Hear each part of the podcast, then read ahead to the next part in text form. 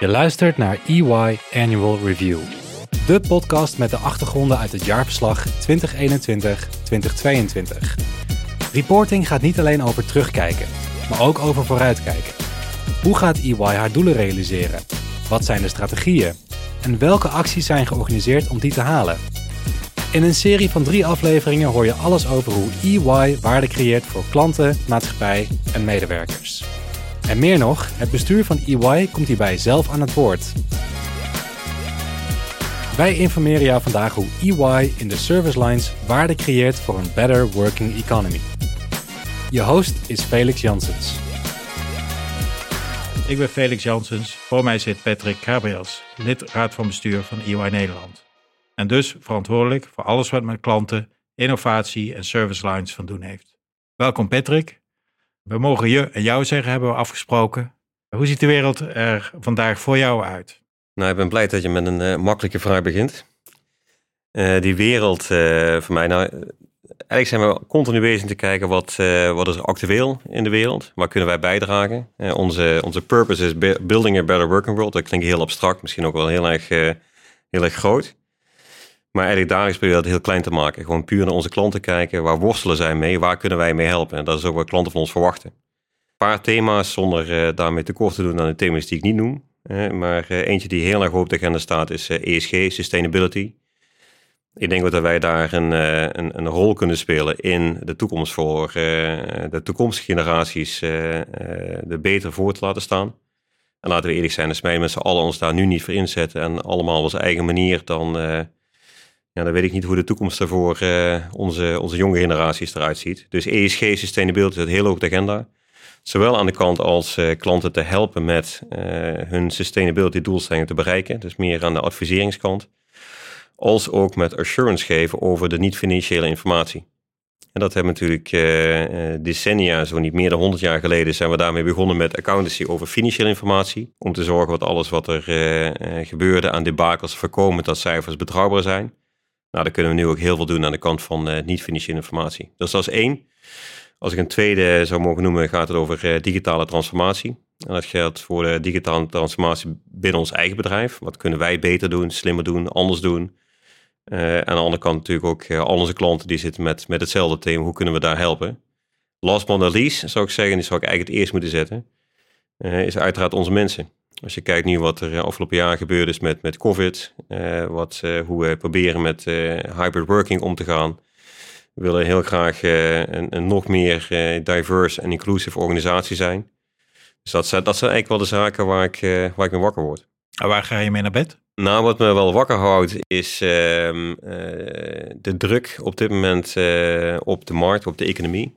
Het voelt, misschien ook wel even voor mij persoonlijk, toch wel als een een uh, oververhitting van, uh, van de, de, economie. Als ik kijk naar onze mensen, hoe hard aan getrokken wordt en wat voor een vooruitgang in termen van salaris, et soms geboden wordt, ehm, tekorten op de markt.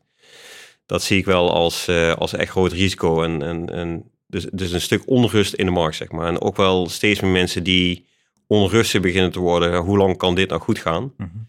Nou, de tekenen zijn natuurlijk wel uh, altijd uh, dat de economie uh, ook wel wat scheurtjes begint te vertonen met inflatie, rente die omhoog gaat, en een oorlog die op bijna steenworp afstand zich afspeelt. Dus er zit ook heel veel onrust en onzekerheid in de markt. Dus ja, dat, dat, dat houdt me wel wakker, ja.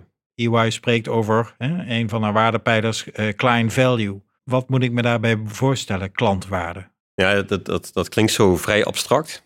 Maar als we hem eigenlijk afpellen tot, uh, tot de basis, dan uh, is dat uh, klanten helpen hun probleem op te lossen. En, en daarmee bedoel ik ook dat, dat wij vooral met klanten bezig zijn om te begrijpen wat hun bezighoudt, wat hun zorgen zijn. En dan uiteraard met alle bescheidenheid kijken hoe kunnen we daar nou een bijdrage aan leveren. Dus, dus klantwaarde is wat mij betreft echt als een klant gevoel heeft van joh, ik had een probleem, je hebt mij geholpen om dit op te lossen. Dat noem ik klantwaarde. Building trust. Is dat niet het allerbelangrijkste product wat, uh, wat EY levert aan haar klanten, aan de maatschappij, aan een better working economy? Trust is altijd de basis geweest van, uh, van EY. We zijn natuurlijk ooit begonnen echt als een accountantsfirma. dat is nog steeds de core, de basis van, van alles wat we doen. Dus, dus trust geven over financiële informatie, tegenwoordig ook door steeds meer niet-financiële informatie. Dat is één kant, dus de assurance kant. Uh, aan de andere kant is ook bedrijven helpen om dat niveau te kunnen bereiken. Ja. dus zeker als het nu gaat over niet-financiële informatie, dat klinkt allemaal heel makkelijk van doe dat maar even. dat toevoegen aan je jaarrekening, andere publicaties. Maar in de praktijk om niet-financiële informatie op te leveren is nog veel lastiger dan financiële informatie. Die systemen zijn er niet altijd. Uh, hoe ga je het precies voor elkaar krijgen en hoe doe ik dat op een betrouwbare manier? Ja. Dus, dus trust, maar dat, dat is ook wel het mooie van, van we krijgen vaak wel eens de vraag wie is jouw klant? Ja, natuurlijk is de klant degene waar wij dagdagelijks mee, mee samenwerken en, en waar we problemen voor proberen op te lossen. Maar de klant zit ook ergens anders. En dat is namelijk de public interest. Er zitten heel veel klanten, kennen wij niet. En dat zijn wel de gebruikers van jaarrekeningen, investeerders, maar ook personeel van bedrijven.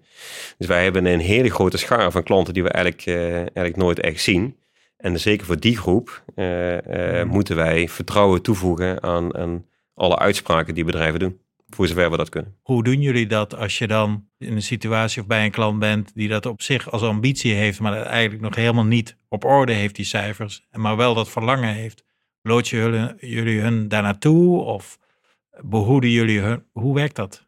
Ja, ook dat gaat eigenlijk twee kanten op. Dus het is inderdaad zo dat wij uh, veel klanten helpen om dat uh, niveau te bereiken. Ja, dus ofwel zelf meer sustainable te worden. en, en uiteraard met, met, met, met alle bescheidenheid van wat, we, wat verschillen we wel of niet kunnen maken. maar wel met hun door dat proces heen te gaan om daar te komen. Ook om de verantwoording daarover op een betrouwbare manier uh, op te zetten. Ja, dan, uh, als je het kunt meten, dan kun je ook zien waar je naartoe gaat. En zie je successen, zie je waar je moet verbeteren. Uh, erg belangrijk om te kijken waar we als, niet alleen als bedrijf, maar als maatschappij naartoe gaan. En aan de andere kant is het natuurlijk ook zo dat als, als, als bedrijven uitspraken doen over hoe sustainable ze zijn, of hoe social ze zijn, human rights, noem maar op. Um, en wij geven assurance bij die, bij die, bij die cijfers, ja, dan, dan moet dat natuurlijk wel kloppen. Dus op, moment, uh, op dat moment kunnen we ook best wel kritisch zijn van joh, die uitspraken die je, die je doet, moet je ook echt kunnen onderbouwen en laten zien dat je dat, uh, dat je, je progressie maakt. Zijn daar ook hele, hele nieuwe type medewerkers voor nodig? Ik kan me voorstellen, een accountant is opgeleid om, plat gezegd, een jaarrekening hè, uh, en een balans goed door te vlooien en daar alles uit te halen wat uitgehaald moet worden om die assurance te verlenen. Hoe doe ik dat voor een uh, gemiddelde beddenfabrikant en snappen waar dan uh, dat ijzer of staal of hout uh, vandaan komt? Nee, dat is zeker zo. Je ziet ook dat in essentie dat het accountsberoep steeds interessanter wordt. we zijn ooit begonnen met alleen accountants. En toen kregen we dat IT-systeem steeds complexer werd. Dan hadden we echt IT-specialisten nodig. Ze waren ook al iets verder van ons af. Um, maar ook op andere gebieden hebben we steeds meer experts bijgeschaald. Bij ESG, dus alles wat te maken met sustainability, uh, zie je dat ook gebeuren. we hebben mensen nu best wel uh, binnen met een meer een scheikundige achtergrond, natuurkundige achtergrond. dus dat gaat veel breder dan waar we ooit vandaan komen. Die account zit wel in, in het midden. Hè, maar die moeten eigenlijk zorgen dat het bewijs wat aangeleverd wordt voor de uitspraken die, die klanten doen, dat we die kunnen onderbouwen. Maar we hebben experts nodig om dat, om dat te begrijpen. Want wij zijn natuurlijk geen scheikundige of natuurkundige of wat dan ook. Je wordt expert in allerlei ketens. Of het nou food is, of dat het nou industry is, of dat het nou manufacturing is. Je moet, je moet dus verstand van zaken hebben voorbij dat financiële gedeelte. Ja, dat klopt. Ja. Daar zouden we het ook over hebben. Hè? Dus die, die, die wereld die steeds complexer wordt. En dat klinkt ook als een soort buzzword. Maar waar die multidisciplinariteit steeds meer uh, nodig is om die complexere vragen uh, überhaupt te kunnen, te kunnen beantwoorden. Laten we een, over één uitdaging hebben. In, uh, energietransitie. Het, het thema wat ons iedereen bezighoudt. Hoe draagt service innovatie daaraan bij? Specifiek op energietransitie. Ja, energietransitie, dan, dan, dan blijven een beetje in de hoek zitten van sustainability. Ja, dus uh, um, nou, als, je, als, je, als je in even kijkt naar de, um, naar de adviseringskant. Wij hebben dus inmiddels experts rondlopen die echt weten hoe je decarbonization, dus verlaging van CO2, hoe dat, hoe dat voor elkaar kan krijgen. En hoe je een hele lifecycle van, van een product of van een proces compleet in kaart brengt en weten wat waar gebeurt en waar je kunt werken. Nou, als dat is nieuw voor EY? Ja, ik denk, ik denk de, de, de processen die eronder liggen, die zijn op zich niet nieuw. Hè, van hoe kom je nou van A naar B? Uh, maar de, de inhoudelijke expertise die je nodig hebt, die is wel echt nieuw. Lifecycle analysis is een apart, aparte afdeling. Ja, dat is dus binnen onze, wij noemen dat dan uh, uh, climate change uh, groep. Er zitten heel veel disciplines in. Hè? Hm. Dus er zitten finance experts in, er zitten mensen achter met een, met een lifecycle ervaring. decarbonization, dus er zit een heel grote schaar in van verschillende, verschillende, verschillende disciplines. Maar ook als je kijkt naar de assurance kant, service innovatie, ook daar moeten wij gaan kijken van nou ja, hoe zorgen nou dat ook die informatie die bij elkaar verzameld wordt, op een betrouwbare manier verzameld wordt. En we zijn natuurlijk heel erg gewend aan hoe je dat doet met financiële cijfers, maar nu ook nog steeds meer wat niet-financiële cijfers. Maken veel gebruik ook van data-analyse om daar een goed beeld te krijgen. Hoe krijg je ook die cijfers uit het systeem? Hoe weet je dat het betrouwbaar is? En dus ook daar wordt, wordt hard gewerkt om uh, ja, op te kunnen schalen naar de, de vraag van de toekomst. Building a better working economy. Hè? Eh, de belofte van uh, eh, EY komt tot uitdrukking ook in het uh, eh, EY Innovation programma. EY focust daarop ehm, zowel start- en scale-ups als belangrijke symbolen van een nieuwe economie. Waarbij enerzijds de diensten levert en anderzijds zichzelf ook ziet als een soort verbinder hè, tussen die innovatieve en tech-industrie en het zogenaamde grootbedrijf. Hoe doe je dat dan voor die start- en scale-ups? Wat betekent tailor-made services voor zulke soort bedrijven dan? Wat je ziet bij uh, starters en scale-ups, is dat die in een vrij vroege fase van hun bestaan eigenlijk al uh, dezelfde soort uitdagingen hebben als grote internationale bedrijven. Die bedrijven groeien zo hard, is dat ze vrij snel al over de grens moeten gaan. Dus ze krijgen allemaal te maken met allemaal fiscale issues. Uh, supply chain moet opgezet worden. Je ziet ook aan de, aan de reporting kant dat men heel vaak al wil gaan dat je naar een uh, vrij sophisticated uh, reporting systeem komt. Typisch bij deze bedrijven kun je de breedte van je dienstverlening heel goed kwijt. Alleen, um, dat deden we voornamelijk bij de grote internationale bedrijven. Die kleine bedrijven, die konden ons eigenlijk niet zo makkelijk vinden, want die dachten, ja, die, dat EY, is alleen voor de grote bedrijven. Dus hiermee focussen wij heel specifiek naar die kleine bedrijven. Zorgen dat die de toegang krijgen tot alle services. En uh, ik moet ook zeggen, voor onze eigen mensen is het fantastisch leuk. waar je als auditor, waar je opeens client service manager voor een, een start-up scale-up. En ga je ook gewoon connecten met, met, uh, met je collega's van alle disciplines. Je probeert samen daar echt iets van te maken. En je maakt ze daarmee future-proof. Ja. In een groeiambitie. En dan stel ik mij voor dat jullie bij de vermogens van deze wereld uh, naar binnen komen en samenwerken met die gasten daar om dat bedrijf wereld, eh, tot een dominante wereldspeler te maken. Als we ons eh, willen hebben, dan, eh, dan zijn we er. Zijn er voorbeelden in de diverse service lines te noemen waarin je zegt van ja, hier hebben wij als EY, hè, dus zowel die, die start- en scale-ups, weten te verbinden hè, aan, aan, die, aan die grote bedrijven? Nou, het, het, is, een, het is een brede zin, ja. Dus uh, met, uh, met dit programma, zonder nou direct namen te noemen, maar connecten we inderdaad die start-up scale-ups met, met investeerders. We connecten ze met grote multinationals die ook onze klanten zijn. Kijken of ze daar een pilot kunnen doen. Dus het is, het is enerzijds inderdaad, ze helpen om tot dat niveau te komen dat ze steeds verder kunnen groeien. En, en ik zeg ook altijd, ik vind dat, dat je eigenlijk pas verdient om... Um, hun trusted advisor te zijn. Als je er ook was in de tijd dat ze je echt nodig hadden, toen ze klein waren. En niet alleen pas uh, aankloppen op het moment dat ze al uh, unicorn status bereikt hebben, zeg maar. Hè. Dus, uh, dus, dus echt investeren samen. en die connecties die leggen, die, dat is er eentje die erbij komt. Ons netwerk ontsluiten. We hebben ook een mooi programma Entrepreneur of the Year. waar inmiddels ook een emerging categorie in zit. Dat is specifiek ook gericht op snel groeiende bedrijven. Dus om steeds meer deze groep ook te, uh, te connecten met, uh, met ons netwerk. Want daar zit natuurlijk enorme waarde. Is het dan ook zo, je zegt net van, goh ja, het is ook uh, verdomd interessant voor medewerkers binnen EY om in zo'n start-up eigenlijk naar binnen te gaan, te helpen, mee te helpen om het future-proof te maken. Groeien diezelfde mensen ook met elkaar mee? Zit er ook iets generationeels in? Nou, zeker. Ik denk, ik denk inderdaad ook, één is die jonge generatie snapt dit soort bedrijven vaak beter. Hè? Dat is, uh, zit toch soms een generatiekloofje. En uh, onze jonge mensen die, die kunnen zich heel erg uh, identificeren met die klein, kleinere, snel groeiende bedrijven.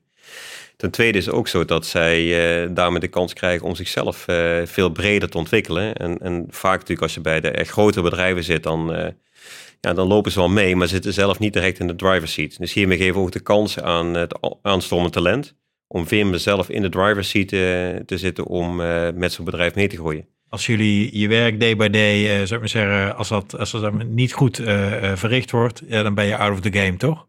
Terwijl niemand praat hier over kwaliteit. Toch is kwaliteit een voorwaarde hè, voor, voor niet alleen het succes van EY, maar ook het vertrouwen. Hè, wat je zegt van ja, dat ik niet alleen aan mijn klanten verschuldigd ben, maar wat ik ook aan die bredere stakeholdergroep uh, verschuldigd ben. Client satisfaction rates zijn onverminderd hoog. Ook ten tijde van, van COVID, ook ten tijde als het, als het anders gaat. Hoe lukt dat? Je zei net al, uh, er wordt weinig over kwaliteit gepraat, maar ik denk dat er eigenlijk continu over kwaliteit gesproken wordt. Uh, snel dat wij ook beseffen dat onze, onze basis van ons bestaan, de basis voor klanten aan ons te kunnen binden, is de beste kwaliteit mogelijk leveren. En we hadden vroeger een tagline met quality in everything we do. Nou, veel van mijn collega's hebben die nog steeds heel hoog in het vaandel staan. Maar dat is wel de basis van alles wat we doen. Wij moeten kwaliteit in ons werk leveren. En ik denk dat dat geldt voor elk bedrijf, elke entrepreneur. Als je basis niet is topkwaliteit leveren, dan kun je nooit een succesvol bedrijf zijn. Alleen kwaliteit zit natuurlijk niet alleen maar, wordt vaak gedacht, in regeltjes en in compliance en, en, en dat soort zaken. Maar eh, kwaliteit zit overal. Kwaliteit betekent ook dat je de beste mensen aan je kunt binden. En dat je zorgt dat mensen zich eh, eh kunnen ontwikkelen om, om nog verder te groeien, nog beter te worden. En dat betekent ook dat, dat je investeert in innovatie. En dat, je, dat je weet hoe data-analyse werkt en dat verder kunt uitbouwen. Dus kwaliteit zit in de breedte van, van de hele dienstverlening. En niet zozeer, wat vaak wel gedacht wordt, puur in, in het volgen van regeltjes. Wat doet EY om de risico's van integriteit en onafhankelijkheid te beperken? Ja, dat, dat, dat, uh, dat zijn behoorlijk wat initiatieven. het begint wel met een wereldwijd opgezet systeem omtrent onafhankelijkheid dus alle partners, alle managers moeten elk kwartaal ook goed kijken naar hun, hun eigen onafhankelijkheid, dat bevestigen. Er wordt ontzettend veel over gecommuniceerd. We meten ook hoe dat gaat. Wij, wij, doen allerlei testen bij onze mensen, kijken of we compliant zijn. Dus, dus om, om, omtrent onafhankelijkheid zit een heel uitgebreid systeem van controls, procedures om te zorgen dat dat gewaarborgd is. En we zien onafhankelijkheid ook zeker voor, uh, voor EY was echt als een, als, een, als een hoeksteen van ons bestaan. En daar mogen mensen van ons verwachten. Want als een accountant niet onafhankelijk is, dan, ja, dan kun je van de buitenwereld niet verwachten dat zij je ook zien als uh, nou, de statements die je doet om die als waardevol in te schatten. Dus onafhankelijkheid is een extreem belangrijke basis. Daarnaast zeg maar, we hebben natuurlijk een, een, een beroep wat heel erg in het vaandel staat van het dienen van de public interest. Nou, als je public interest wil dienen, dan moet je ook zorgen dat je reputatie sterker is als, als wat dan ook. Los van allerlei regels, procedures die we hebben, maar überhaupt zeg maar werken aan gedrag, cultuur, onze values. ik durf echt wel te zeggen dat iedereen binnen EY in zijn values heeft zitten, dat integriteit heel hoog staat en dat ook echt een van de cornerstones is van, van wat wij doen als, als bedrijf. En toch is het topsport? Wat een bedrijf wordt. Absoluut. En een topsport, hè? wat was er? De finale Wimbledon, waar een uh, Australische tennisser tegen de brave Novak uh, uh, staat te tennissen. En die jongen die tart met alle, alle normen en waarden. Die zoekt de randen, die zoekt de grenzen op. Wat doe je met, hoe gaan jullie om? Aan de ene kant, het is topsport, hè? dus je zoekt de grenzen op van wat kan. En tegelijkertijd moet je ook binnen de bandbreedte blijven van wat je kan rechtvaardigen. Als je beseft dat uh, integriteit een van de belangrijkste values is voor het succesvol zijn van ons, uh, ons bedrijf, dan weet je dat, dat je daar niet eens in de buurt moet komen om daar de randjes op te zoeken. En dat, uh, en dat heeft iedereen echt in zijn systeem zitten. Zonder integriteit kunnen wij als bedrijf niet succesvol zijn. Ons leadership is heel belangrijk om daar het goede voorbeeld uh, te geven. En, en ook mensen te, te supporten om te, begrijpen hoe dat dan werkt. En dus we hebben een programma dat heet Transformative Leadership. En daarmee, dat is niet een programma van een jaar, maar dat, dat, dat loopt al, al vele jaren om met ons leadership ook continu te kijken, wat zijn dan onze waarden? Wat voor gedrag hoort erbij? Wat voor cultuur willen we eigenlijk? Hoe willen we nog meer toegooien naar een lerende organisatie met een constructieve cultuur? Dus daar zijn we eigenlijk continu zijn we bezig om met ons leadership om daar aan te werken en dat ook uit te stralen naar, uh, naar iedereen. En dan komt toch weer terug, uh, we hebben het er gehad over integriteit, we hebben het gehad over rol in de, de, de voor de maatschappij. Um, er zijn voor, voorbij jullie klanten zijn nog meer mensen voor wie jullie eigenlijk werken, die in ieder geval naar jullie werk kijken. Het komt toch weer terug bij vertrouwen. En dan kom ik ook weer terug toch bij, uh, bij climate change en energy transition. Want dat is de, datgene wat ons als het ware te wachten staat. En waar we ook ja, investeerders natuurlijk op focussen. Um, in hun investments en hun uh, green business. Bedrijven moeten dat steeds meer aantonen en moeten ook ja, daarin zelf transformeren. Het is dus eigenlijk een, een zaak van willen en moeten. De ambitie van EY Global to positively impact on 1 billion lives by 2030 and to be carbon neutral in 2025. Hè? En het enten van expertise, disciplines en service lines op die opgave. Willen is de positively impact. Moeten is carbon neutral zijn. Uh, wat betekent dat? Hè? Dat positively impact on 1 billion of lives in 2030. Als je mij persoonlijk vraagt, moet het nou per se een miljard mensen zijn? Uh, is 500 miljoen ook genoeg? Uh, moeten er 3 miljard zijn? Ik denk dat op zich dat niet zoveel uitmaakt. Wat, wat wel omgaat is dat, dat als je als EY een purpose hebt die zegt building a better working world, dan moet je daar ook echt in investeren. En dan moet je ook zorgen dat je mensen de kans krijgen om daarin te investeren en bij te dragen. En dus los van de, de, de precieze KPI's die gedefinieerd worden, worden er ongelooflijk veel initiatieven opgestart die bijdragen aan een betere wereld. En dan heb ik het voornamelijk even over sustainability, maar ook over social. Dus, uh, dus initiatieven zoals uh, uh, toch zorgen dat de wereld groener wordt, maar ook ehm, lesgeven aan, aan, aan, kinderen die anders die kans niet zo krijgen. Ehm, Voorbeelden als met teams zorgen dat afval opgehaald wordt van het strand. Er zijn legio initiatieven.